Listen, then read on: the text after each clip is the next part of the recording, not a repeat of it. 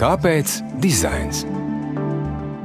Labdien, klausītāji! Klasikas studijā ir Ilza Martinsone, Latvijas arhitektūras muzeja vadītāja. Un runāju šodien ar diviem arhitektiem - ar Austru Mailīti un Jāni Sauku.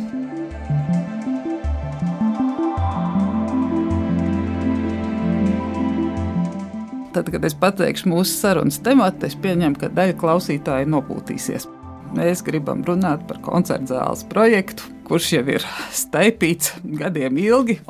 Tomēr klasikas studija, kā mūzikas studija, nevar apiet māju mūzikai, un mums par to ir jārunā. Kad es domāju par šo raidījumu, man bija iecerē cita. Es biju iecerējusi aicināt ne tikai abus koncerta zāles konkursu uzvarētājus, bet arī ekspertus no malas ar kritisku viedokli, lai šajā sarunā šķiltos nu, kaut kāda patiesība. Bet uzrunājot potenciālos kritiķus, izrādījās, ka viņiem ir teikt tik ļoti daudz, un problēma ir daudz. Un tas, kas tika izstāstīts, tas ir arī audio failā, ka to mēs atstāsim arhitektūras muzeja fondos, un kaut kad nākotnes vēsturnieki varēs analizējot šo koncertu zāles projektu. Gribas cerēt, tad, kad jau būs rezultāts, un spriest par to. Tātad viens jautājums bija, ko šī saruna vispār dos, bet mēs nonācām pie slēdziena, ka varbūt šai ēkai tas vairs neko nedos, bet mums būs daudz citu projektu un mums par to situāciju kopumā, kā šādi projekti top,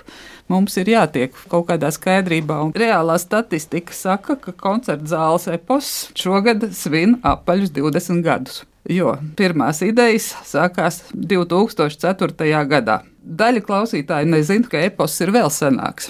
Pirmais konkurss notika vēl padomju perioda beigās, 1987. gadā. Zāles novietne bija plānota Citadeles rajonā uzvarēja arhitekts Kadirkovs, bet skaidrs, kāpēc šis projekts nerealizējās. Beidzās padomju valsts, sākās krīze, un par to mēs varam dabiskā kārtā aizmirst. Bet kāpēc šis projekts velkās 20 gadus šodien, par to gan laikam ir jādomā.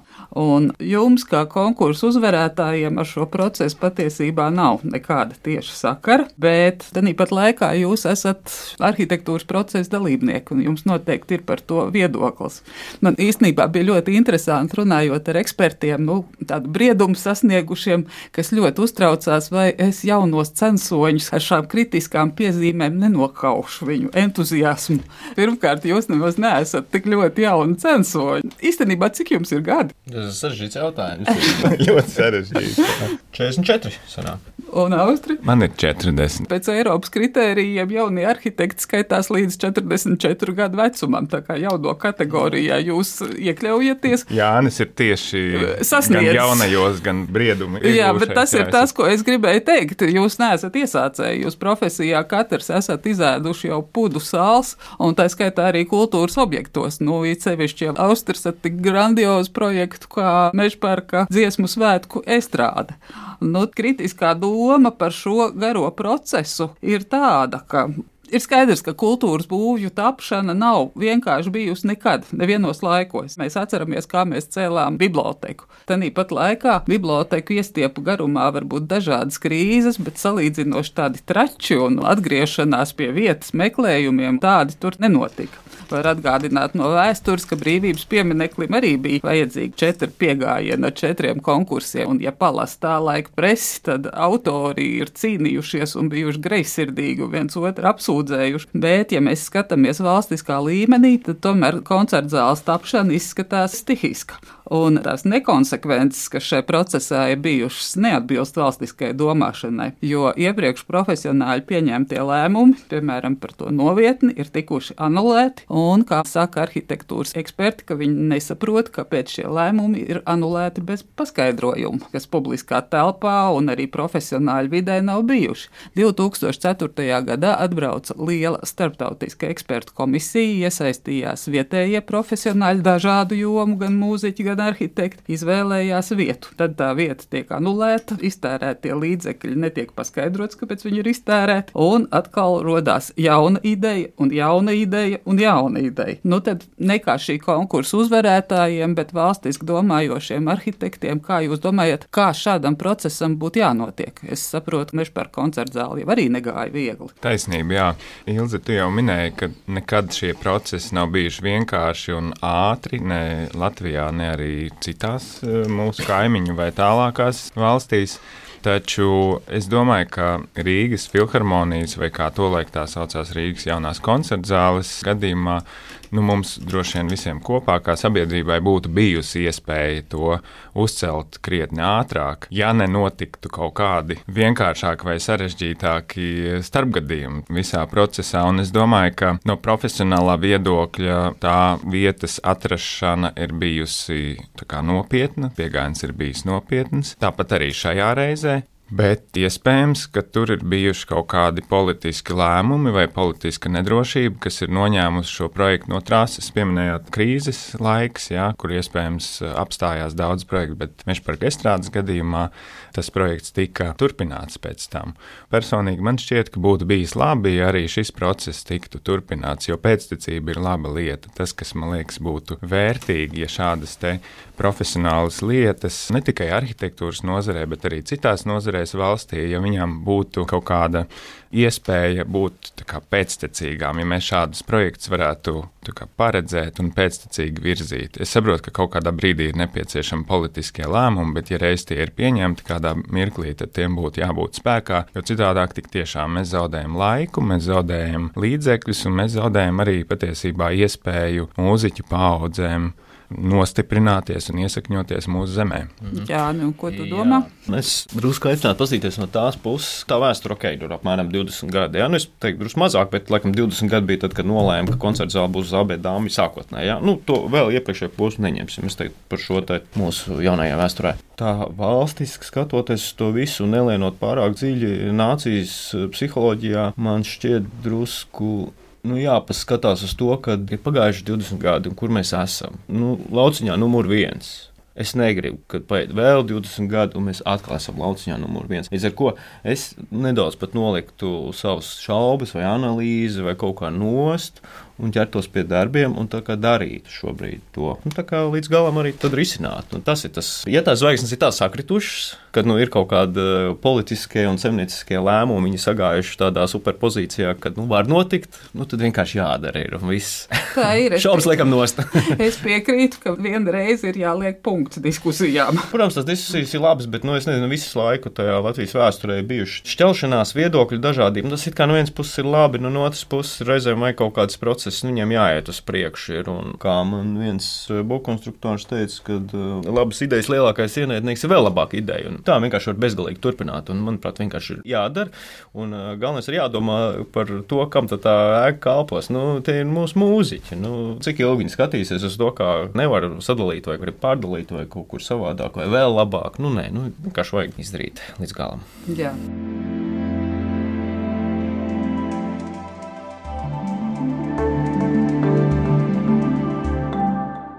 Vēl neķeroties pie jūsu projekta, bet vēl par šo novietni. Dzirdēju tādu arhitektu viedokli, ka novietne nav pareizi īsti no tā viedokļa, ka šāda ēka, kas akumulē tik milzīgus sabiedrības līdzekļus, būtu jāceļ kaut kādā perspektīvā, jaunā vietā, kura šobrīd netiek pietiekami labi izmantota, ka koncerta zāle varētu kļūt par ankuru objektu un papildus ieguldītajiem šiem līdzekļiem panākt papildus efektu, ceļot vēl kāda rajona vērtību, iesaistot kultūru apritē, jo parks ir lielisks tāpat. Jā, nu par šo es drusku gribētu oponēt. Nu, tas ir tas saucamais tas Bilbao efekts, ja, kad mēs noliekam kaut kādā vietā, kas ir aizlaista vai ar potenciālu, bet vēl neatklāta potenciālu, un tur uzceļam kaut kādu jauku, labu ēku, un tas pavalk visu apkārt un apkārt. Man šķiet, ka tā situācija ir drusku mainījusies, vismaz Latvijas kontekstā noteikti.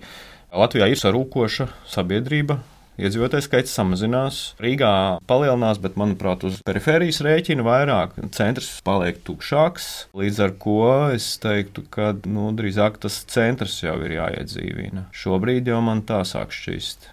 Jā, es pievienojos tam, ko Jānis saka. Es domāju, ka Rīga nav tik liela pilsēta, kas varētu atļauties. Parasti lielās pilsētās ir kāds mūzikas nams centrā, un tad atļaujās vēl veidot kādas kultūras iestādes arī perifērijās, un tādā veidā pavilkt, pacelt uz augšu rajonu dzīvelīgumu. Tomēr, kā Jānis jau teica, Rīga nav tik liela pilsēta.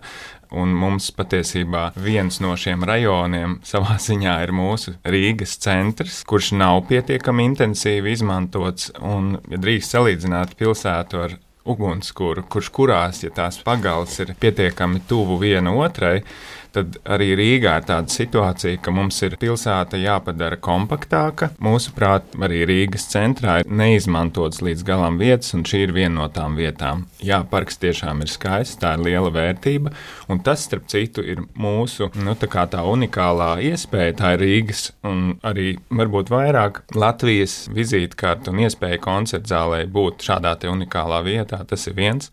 Otrs mums ir jāatcerās, ka tā ir māja ne tikai mūzikai un klausītājiem, bet arī mūziķiem. Šeit ir svarīgi, lai tā darba vide, kura tur būs, tur daļa no tās visas programmas, ļoti liela daļa ir mūziķu darba telpas ir tajā mūziķu ceļā, mūziķu ikdienas ceļā, un mūziķi strādā ne tikai vienā vietā, vienā iestādē, bet vairākās iestādēs.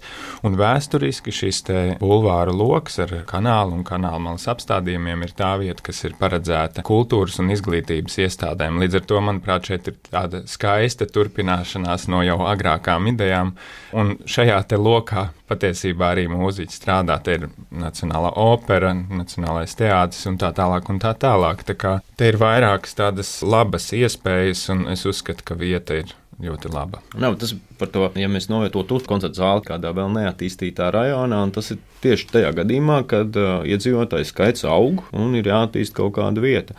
Mums iedzīvotāju skaits neaug, pārsvarā mēs te dzenām prom visus.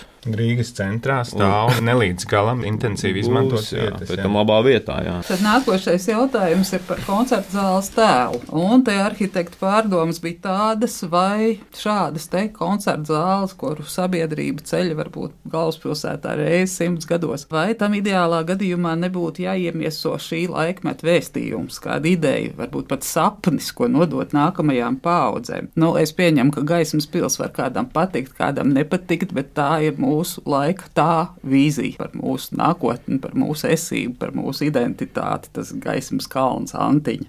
Un šobrīd koncertzālē būs 80. gadu tēls ar kaut kādu jaunā pielikumu arhitekts Andris Sīlis publiskajā telpā bija ironizējis, es citēšu tieši par to komuņāgu garu, kas tur tiek saglabāts joprojām. Pirmkārt, tas man liekas nesevišķi korekti. Es iebilstu, ja kādai celtnei tiek inkriminēta viņas politiskā pagātne. Ar to jau mazliet izgāzās bijušais kultūras ministrs runājot par Elizabetes ielu. Tad jau mums jāvācās ārā no Rīgas pilsētas. Bet jautājums paliek, kāds būs šīs hibrīda ēkas vēstījums? Es domāju, ka tas vēstījums tieši tāds arī ir.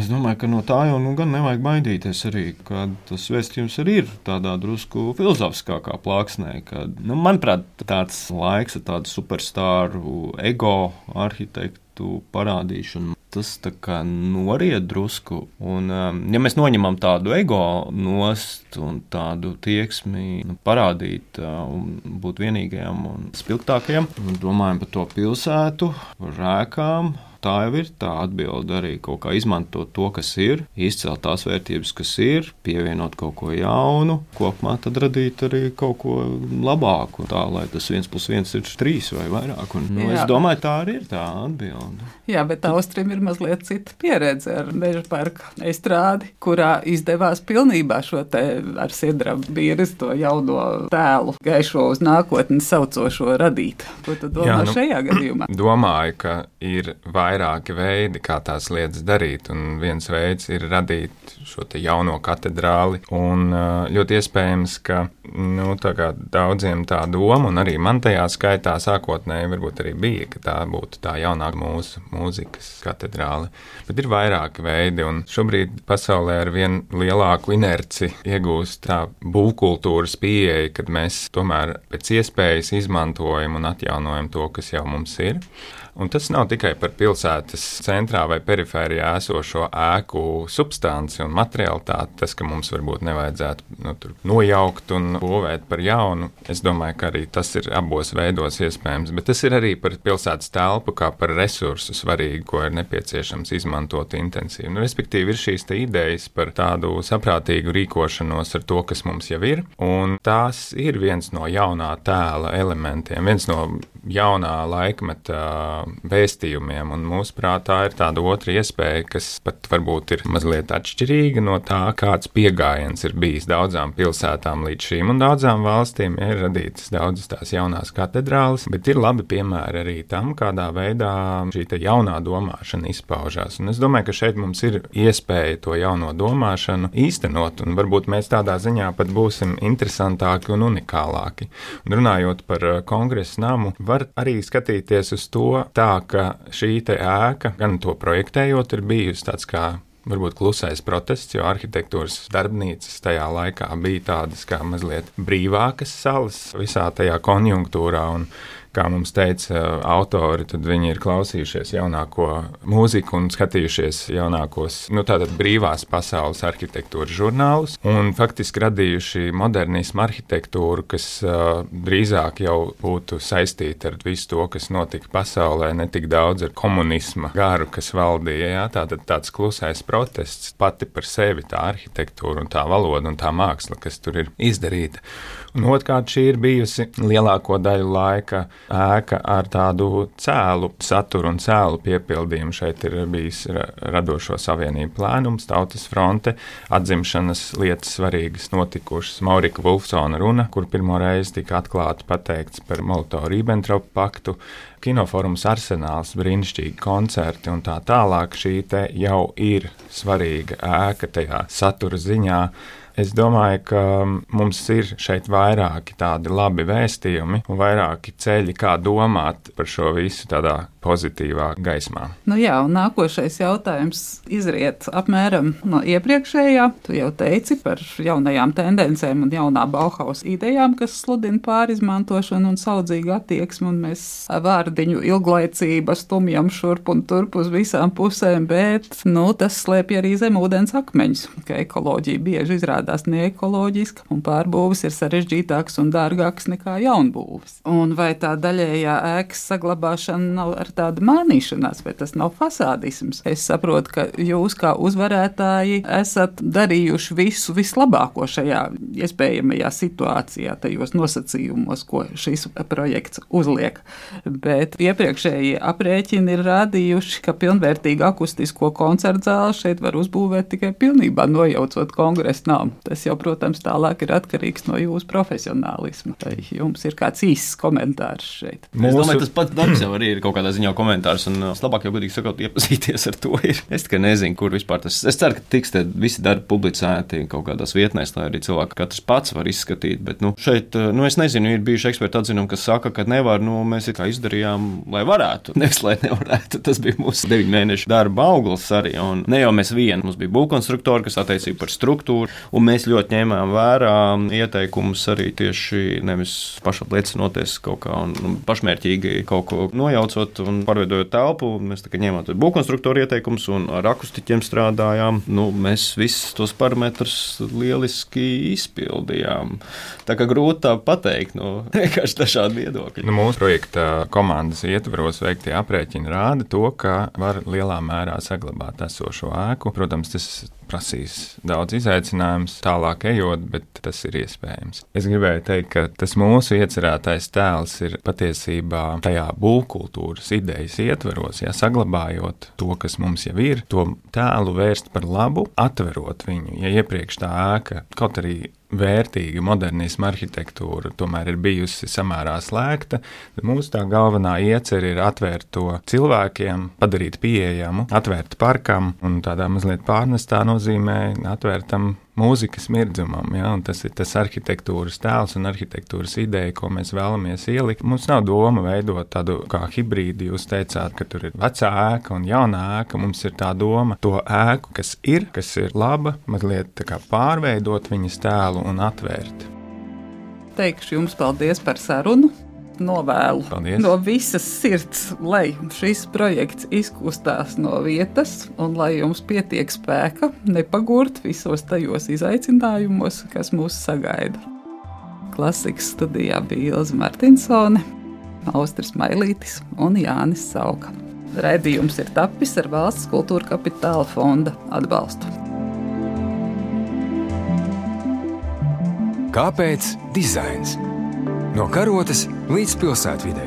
Pirmdien, 9.5. ar atkārtojumu sestdien, 18.18. 18.